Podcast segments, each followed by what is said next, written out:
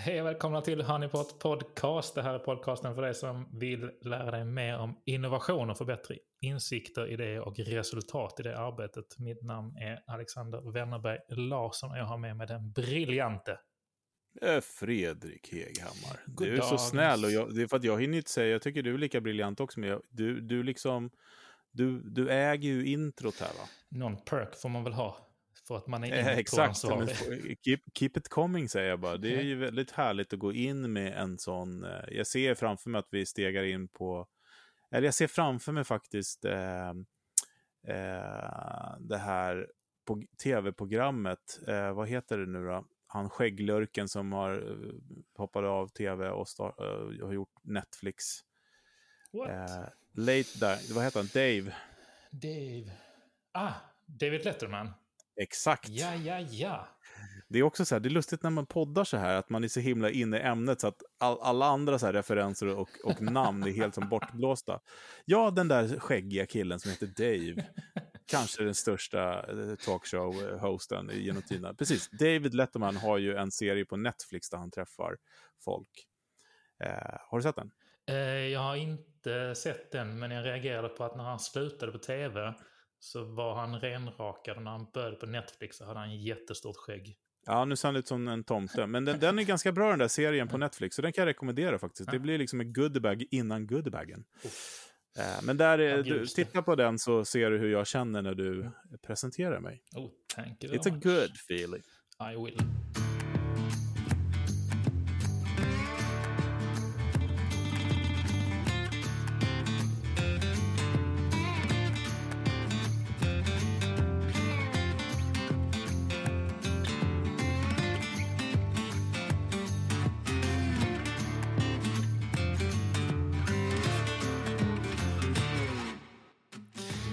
Gött. Idag ska vi prata om eh, någonting som eh, du har... Ja, men jag upplever att det har kittlat någon liten irritation där i, i någon nerv. Kan det Liten. stämma? Ja, det här är... Det här är... eh, eh, essensen av när man missnyttjar ehm, ehm, eh, modern teknik för att man tycker att det är, är balla grejer. Eh, nej, jag ska inte, kanske inte vara så hård. Vi får väl ut, ut, avvakta. Jag som har jobbat i kommunikationsbranschen får faktiskt såga mig själv lite grann, höll Mm. säga. Men det känns som ett, en reklambyråprodukt. Ja, det gör det. Där man har suttit på Eh, kammaren och eh, tycker att det här är riktigt jävla grymt. verkligen. Eh, men vad tycker du? Eh, Vad är det vi pratar om?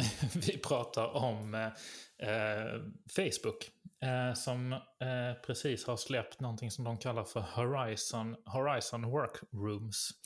Eh, som de beskriver som Remote Collaboration Reimagined. Ehm, och eh, det här bygger ju då på deras Oculus-produkt, det vill säga deras VR, VR och AR, VR-headset får man ändå säga att det är. Eh, Det vill säga när man kan se saker i, i virtual eh, reality. Och den här produkten, den här tjänsten då, den ska väl egentligen komplettera eller bygga ut eh, den typen av lösningar som de för några år sedan började släppa för företag. Det vill säga olika typer av samverkansverktyg som var digitala med. Facebook at work och så vidare. Där, de, där man kunde, som skulle då skulle helt enkelt vara en, kanske någon form av konkurrent, konkurrent till, eh, konkurrent till eh, Slack och Microsoft Teams och Google, eh, Googles motsvarigheter och så också Mm. såklart. Men den här nya produkten då, det är någonting där ni egentligen tänker som ett, eh, tänkte som ett, som ett eh, tv eller dataspel. Där du helt enkelt går in med din avatar, din, din, din virtuella figur. Ja, men Sims va, kan man väl säga. Sims, exakt. Ja. Eller. GTA, men du kan Ja. inte skjuta Nej, chefen. nej, det, det skulle... det... Jag ser, jag ser fram... Eller hur? Jag börjar se sådana här I gamla, don't like your idea. Puff, puff, puff. gamla jobbkonflikter som spårar ur Ja. det digitala rummet. Det kanske skulle vara en jätteförläsande liksom. Ni får spela GTA mot honom. Ja, nej, Eh, förlåt. Men. Horizon Work, eh, Workrooms då, det är ju att ni helt enkelt tänker precis som i den fysiska arbetsplatsen när ni kan gå in i ett konferensrum och så kan ni gå fram till en skärm eller sätta er vid ett konferensbord, titta på skärmen eller whiteboard när ni sitter där tillsammans i rummet. På samma sätt kommer man se det då i den här virtuella miljön där varje person då blir en 3D-figur eller en avatar då i den här världen. Och så kan man gå runt och så kan man mötas då i olika rum. Och min första tanke som jag, är någonting som jag reflekterar över ganska ofta, det är just det här med att vi att vi alltid när vi försöker lösa den digitala samverkans, de digitala samverkansproblemen landar i att vi ska kopiera den fysiska världen. Ja. Var, varför hamnar vi alltid där? Eh, ja, men det kanske är för att vi tycker att den är så fantastisk. det, ja. Nej, men vi kanske tror att det är lösning på saker och ting eftersom det är någonting som vi känner till. Uh, jag, jag, jag, tycker inte att det... Alltså fundamentalt så tycker jag inte att det är jättekonstigt. Men sen så är det ju liksom att det inte riktigt blir uh, bra.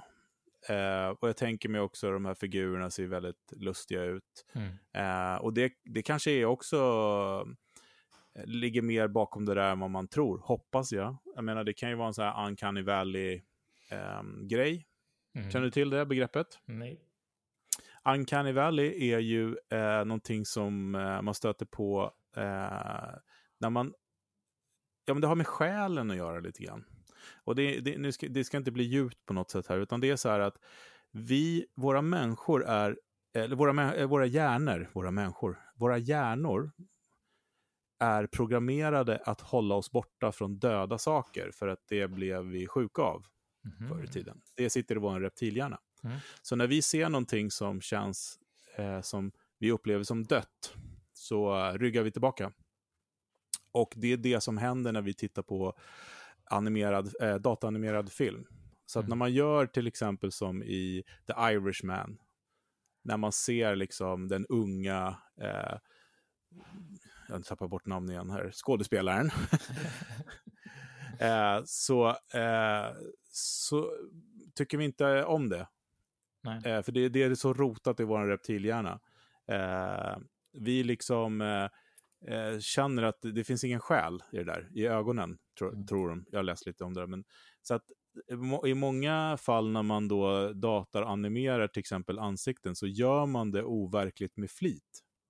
Ja, ja, ja. För att okay. om det ser för verkligt ut så eh, eh, mår vi dåligt av det helt enkelt. Mm. Eller vi reagerar dåligt på det. Mm. Och det är därför jag menar, för att alltså, de här eh, karaktärerna i de här programmen, är det, ju, det är ju liksom... Ja, jag tror till och med de skulle bli ratade av femåringar idag om du... Ja, de, är, alltså de blir ju... De, de skulle aldrig bli misstolkade för att vara den riktiga världen. Nej, precis. Mm. Men som sagt, det kanske är en tanke bakom det. Man kan ju hoppas det i alla fall. Ja, ja men verkligen. Um, uh, och... Uh, men jag gillar ju tanken ibland att se POV, så att säga, när man sitter i rummet, när man kanske är, framförallt när man whiteboardar och, och sånt. Men jag mm. tror att det har att göra med såklart att, att det de här att eh, plocka upp liksom kroppsspråk och sånt där. Men det gör man ju inte. Men sen, då ska du ha värsta dräkten på dig i sådana fall. Mm. Som liksom med massa datapunkter så jag kan se om någon bör säcka ihop eller sådär. Jo, men, och det som är... Det som jag tycker är jätteintressant i det här sammanhanget, det är något som vi har pratat om tidigare också. Eh, jag vet inte om vi har berört det i podden sådär farligt mycket, men jag vet om att vi har pratat om det i teamet i alla fall. Eh, det här med remote work och hur det Eh, där, där jag drog en jämförelse med, spelvärlden. För det finns ju gott om personer, inte minst liksom unga personer idag som har vuxit upp med olika typer av, av spel i form av eh Fortnite eller Battlefield eller Counter-Strike eller, eller liksom, nu hör ni att jag inte har referenser på de senaste spelen. Mm. men eh, men eh, som är jättegoda vänner med folk som de aldrig har träffat. Och som är bland de bästa lagen i världen. Ja. Att vinna stora sådana här turneringar och matcher och, och, sitt, och, och träffa aldrig varandra fysiskt.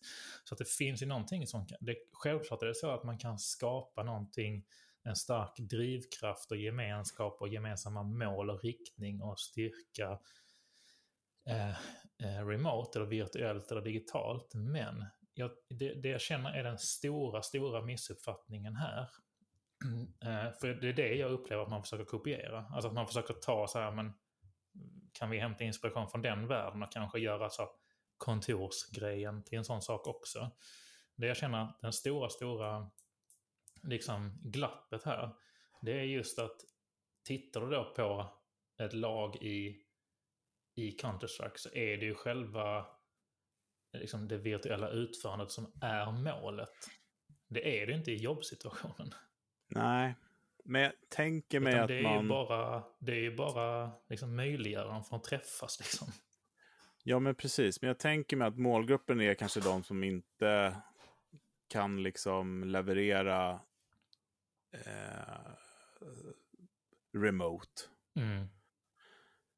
Medan jag tror att tankevurpan är att de som inte kan leverera remote, då, leverera kanske, men de som inte Mm. tycker om att eh, jobba remote Mm. för att man inte är i rummet, är väl också de som skulle tycka det här var den minst bra lösningen.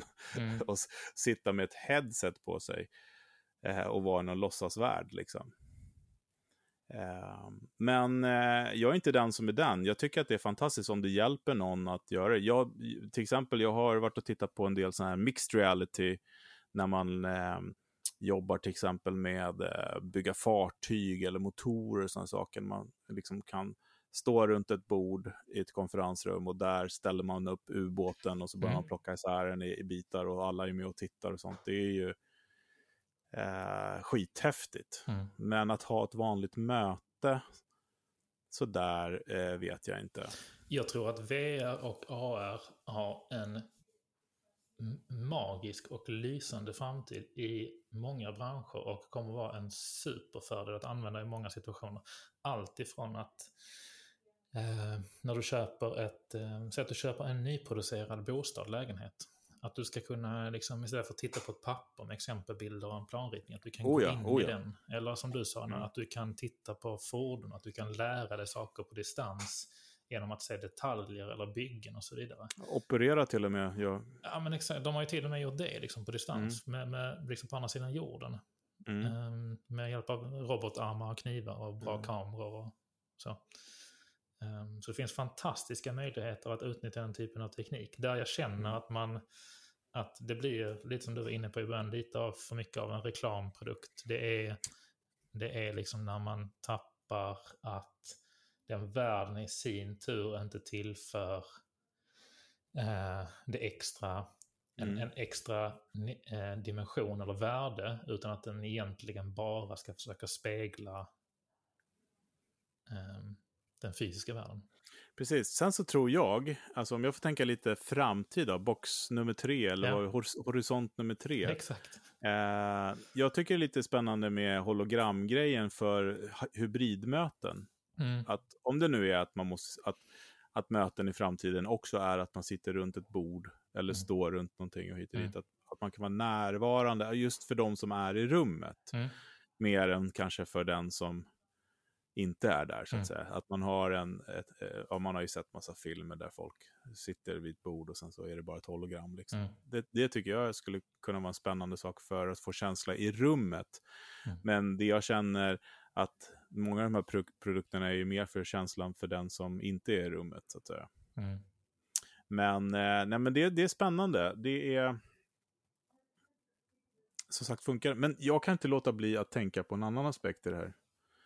Och det är faktiskt hållbarhet och energiförbrukning. Mm. Det måste gå- enorma mängder datakraft, Mm. som, det vill säga värme, att, att liksom, eh, rendera de här figurerna.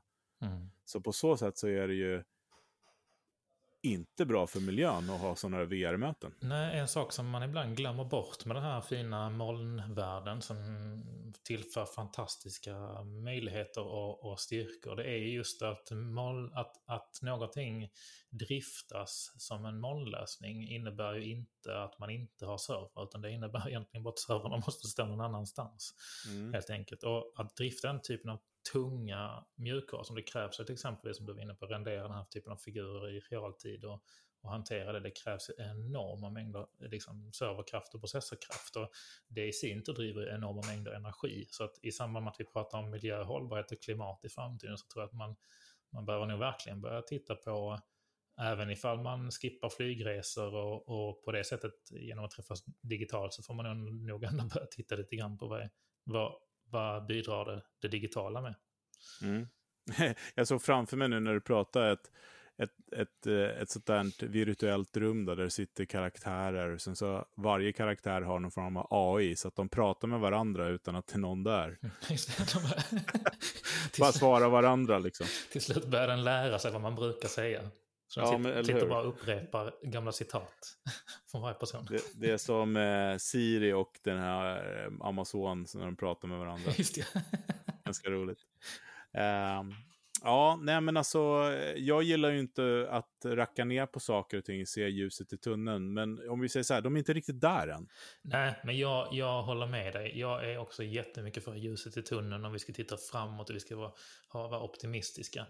Eh, men, men när, när eh, folk och, och företag gör, gör saker som är knäppa så, så, så kommer, jag, kommer jag säga vad jag tycker. Mm. En annan, annan grej så kan man också, eh, nu, ska, nu ska jag vara lite elak här. Ja. Med tanke på att varenda innovationsinitiativ i Sverige de senaste tio åren har in, innefattat ett inköp av Oculus Rift till kontoret. Så tycker jag det är väldigt eh, konstigt, anmärkningsvärt att vi inte har sett fler VR-lösningar. Förlåt, det är du som skrattar. Men jag är lite allvarlig också, för att det kostar ganska mycket pengar de där grejerna och att det har varit så synonymt med innovation. Det har det varit. Och man kan också komma väldigt mycket billigare undan. Som jag gjorde. Man kan köpa bara en sån här boxhållare till sin mm. mobiltelefon. Som man kan mm. spänna runt huvudet. Ja, men, jag, jag, har gjort massa Google eh, ja. Cardboard, eh, ja, eh, Google Glasses, eller inte Google Glasses, Google, Google Cardboard-kampanjer eh, när jag jobbar på reklambyrå. Svinbra. Ja, verkligen. Men det är ju inte lika bra som Nej, Oculus såklart. Men ändå hacka systemet lite, mm. känner jag. Men det är också det som är roligt när man pratar med de här Oculus-experterna. Eh, I alla fall för några år sedan när jag var väldigt mycket inne i det där. Eh, eh, så säger de ju att Oculus är lite som att läsa en bok. För att man vet aldrig vad man tittar på, man tänker iväg, man liksom, du vet en bok sitter och fantiserar lite själv.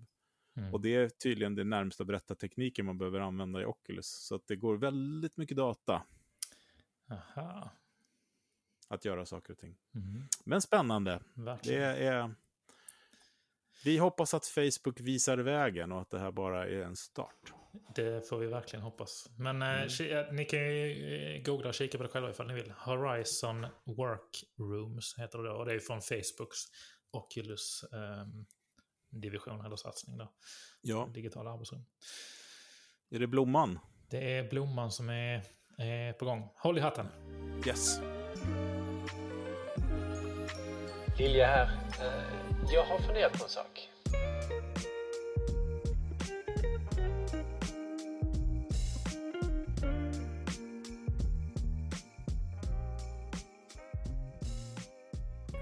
Tjena! Robin eh, Lilja här. Eh, veckans fundering eh, handlar om innovation i städer. Där jag vet att eh, Helsingborg till exempel har satsat på att eh, bli en av de eh, mest innovativa städerna i Europa och jag tror faktiskt de klarade också, fick något pris här för något år sedan. Jag vet även att Umeå också jobbar för det. Så min fråga är så här, vad, vad har städer för liksom krav eller vad kan man ställa för krav på att städer ska bli eller vara innovativa? Och eh, hur tror eh, ni att de eh, borde jobba för att fortsätta vara det? Intressant. Ja, staden vi lever i. Ja, jag kan säga att jag har haft den stora förmånen faktiskt och varit med i ganska många stadsplaneringsprojekt. och det tycker jag är fantastiskt för att det är ju, om man vrider vänder, hur man än vrider och vänder på det, i staden våra innovationer hamnar på ett eller annat sätt. Mm. Eh, och det är väldigt spännande. Och det är också väldigt spännande när man då jobbar med arkitekter och stadsplanerare.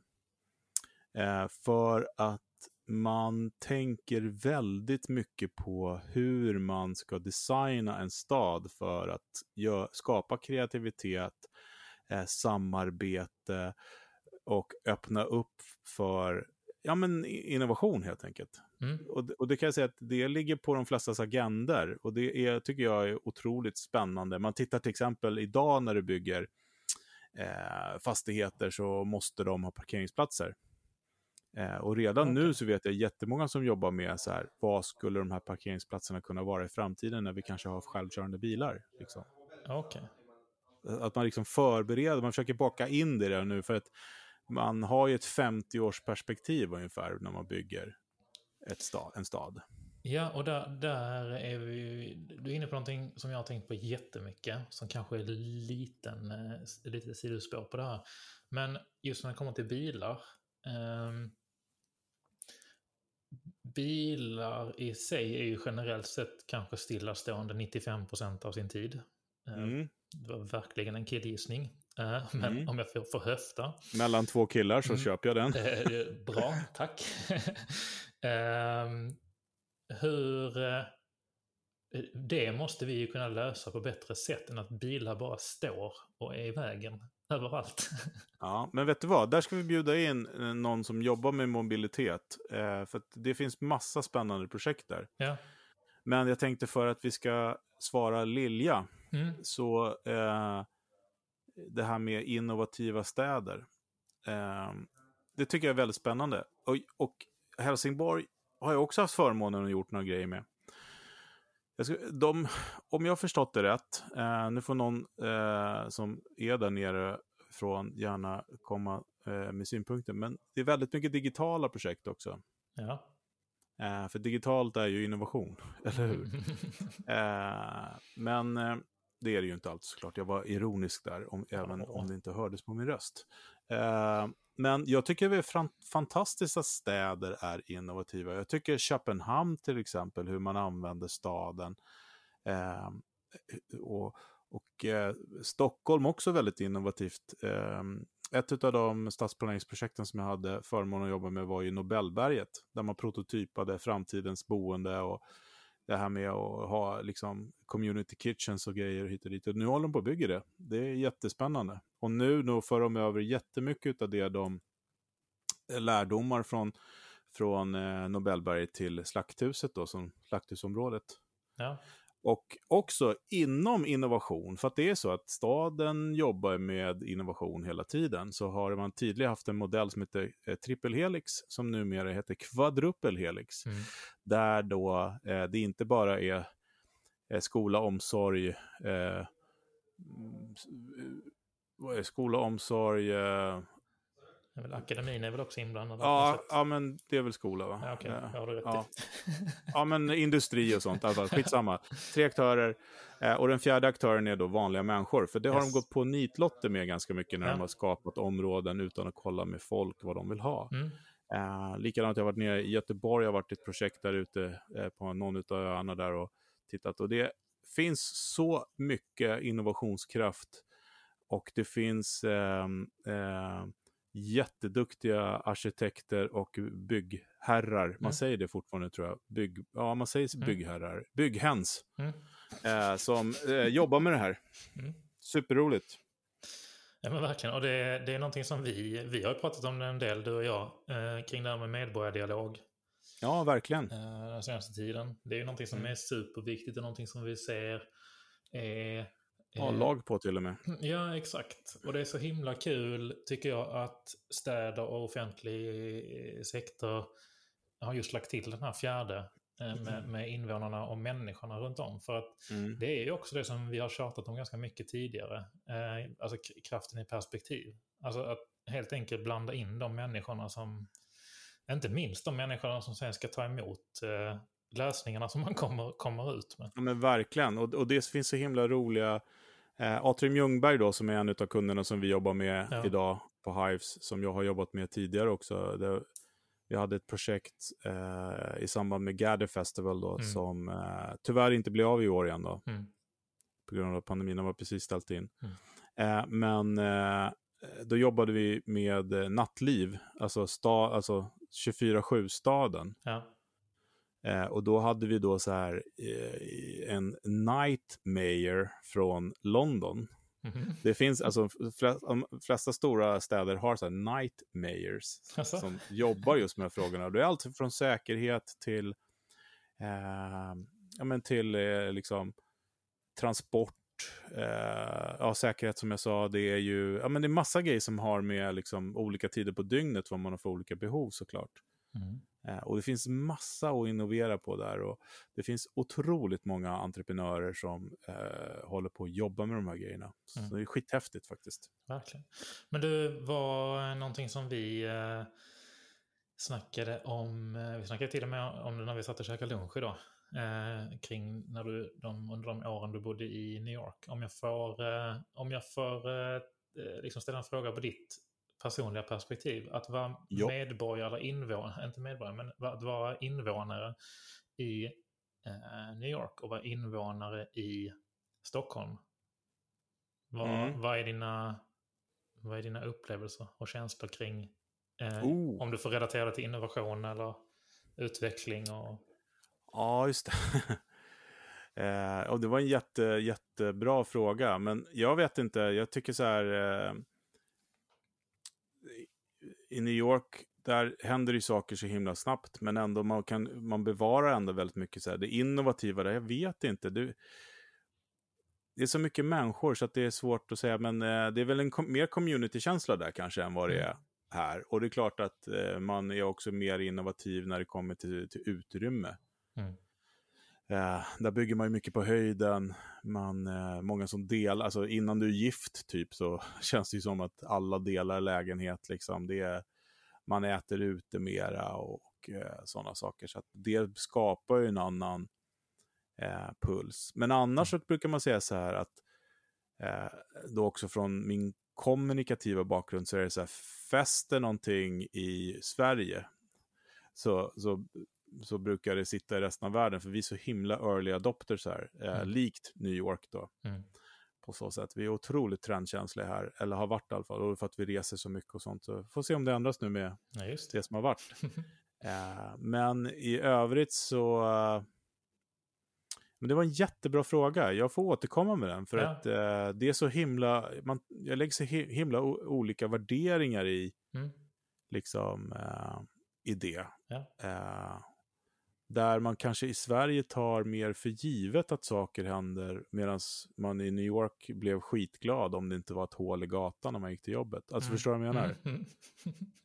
Eh, där är lite mera eh, ja, lappa och fixa liksom. Ja. Här är lite mera kanske ordning och reda. Men eh, det är spännande. Men jag kan slänga in en annan grej där. Det Ja. var jag pratade med en kille som bor i Norge. Och det är tydligen är det så att i Norge så är man, pushar man väldigt hårt där att man är delägare i sitt land. Och det i sin tur skapar ett engagemang. Eh, vi är ju också delägare i vårt land, det är alla som betalar skatt i Sverige. Eller skrivna här. Eh, och eh, det tankesättet tycker jag är spännande. För det skapar en delaktighet. Och jag tror att den delaktigheten gör att vi bryr oss mer om vår stad och att det bryr oss mer om varandra. Mm. Jag skickar med den. Verkligen. Det är en eh, tanke som jag gillar. Mm. Men stora, eh, en stor tumme upp tycker jag för eh, Helsingborgs stad och Umeå och även eh, eh, Skellefteå. Får jag väl säga att jag tycker det händer ganska mycket i.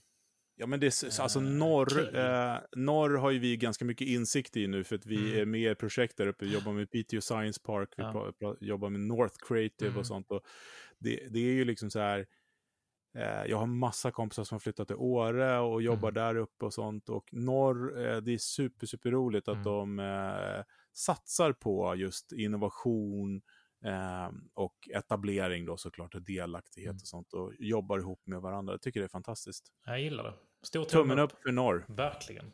Det är bara att om jag flyttar dit så skulle jag vilja ta med mig en massa kompisar också, så jag har många att övertala. Du får eh, ja, busslasset upp. Nej, jag kan ju använda Facebook, det där mötesrummet. Du kan, du kan träffas på låtsas. Ja, Nej, på riktigt, men på låtsas. Ja, hur ska Ja. förklara det? Ja, jag vet inte. Du, jag är lite sugen på lite kongas här alltså. Kör. Yes! Veckans goodiebag. Ja, det var veckans goodiebag. Ja, men du, vi är ju inne och pratar om staden. Eh, och vi pratar också om rummet, eller hur? För att det här Facebook-grejen då som vi ja, men halvdissar lite grann, men ändå säger good work, eh, eh, det finns utvecklingspotential. Eh, och så pratar vi om innovation, där det finns vissa städer som har verkligen satsat på det. Stockholm, kom igen nu, säger vi. Yes. Ehm, men jag måste slå ett slag för Arktes, som är ett då, man skulle kunna säga ett arkitektmuseum. Alltså det är eh, Sveriges då National Center for Architecture and Design.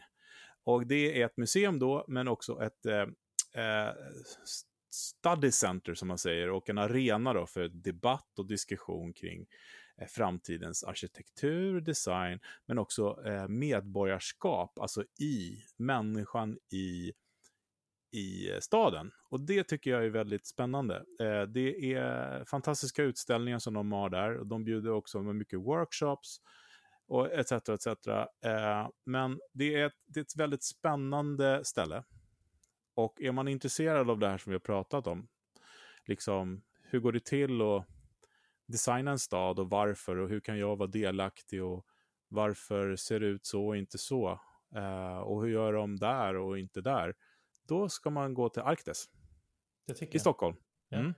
Och det ligger på Eh. Skeppsholmen vad jag kan säga. Yes, precis. Eh, eh, ja, men det, det, det är värt ett besök. Eh, och för att vara nyfiken. Och man kan säkert anmäla sig på någon lista om man vill bli inbjuden till workshops och få vara med Mm. och påverka framtidens... Eh, det finns mycket att titta... Alltså det, en stad, det, det är som du säger det här med vad det är för skillnad på New York och Stockholm hit och dit. Och det, det är liksom... Såna, det, det är spännande och gentrifiering så här, som man Mm. liksom segregering. Varför blir det så? Varför blir det gentrifiering? Gillar vi det? Vill vi ha det? Och, och, ja, men det, det är spännande. Ja, men det är så mycket som händer, eh, händer på känslomässiga plan på grund Mm. av olika beslut eller förändringar som görs eller inte görs. Ju. Så det är Mm. skithäftigt och spännande. Ja, och sen också eh, det här med innovation i staden är också väldigt komplext för det är väldigt understruket utropstecken, mycket regler och Mm.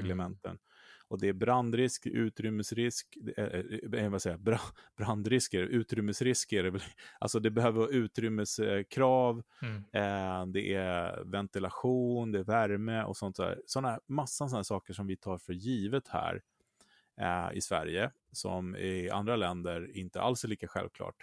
Eh, som medför bra grejer, s- mestadel, men också dåliga grejer. Det dåliga är ju att Sverige är väl det enda landet i världen nästan som du inte kan hoppa av tåget på tågstationen och sen hyra någonstans att bo. Typ. Ja.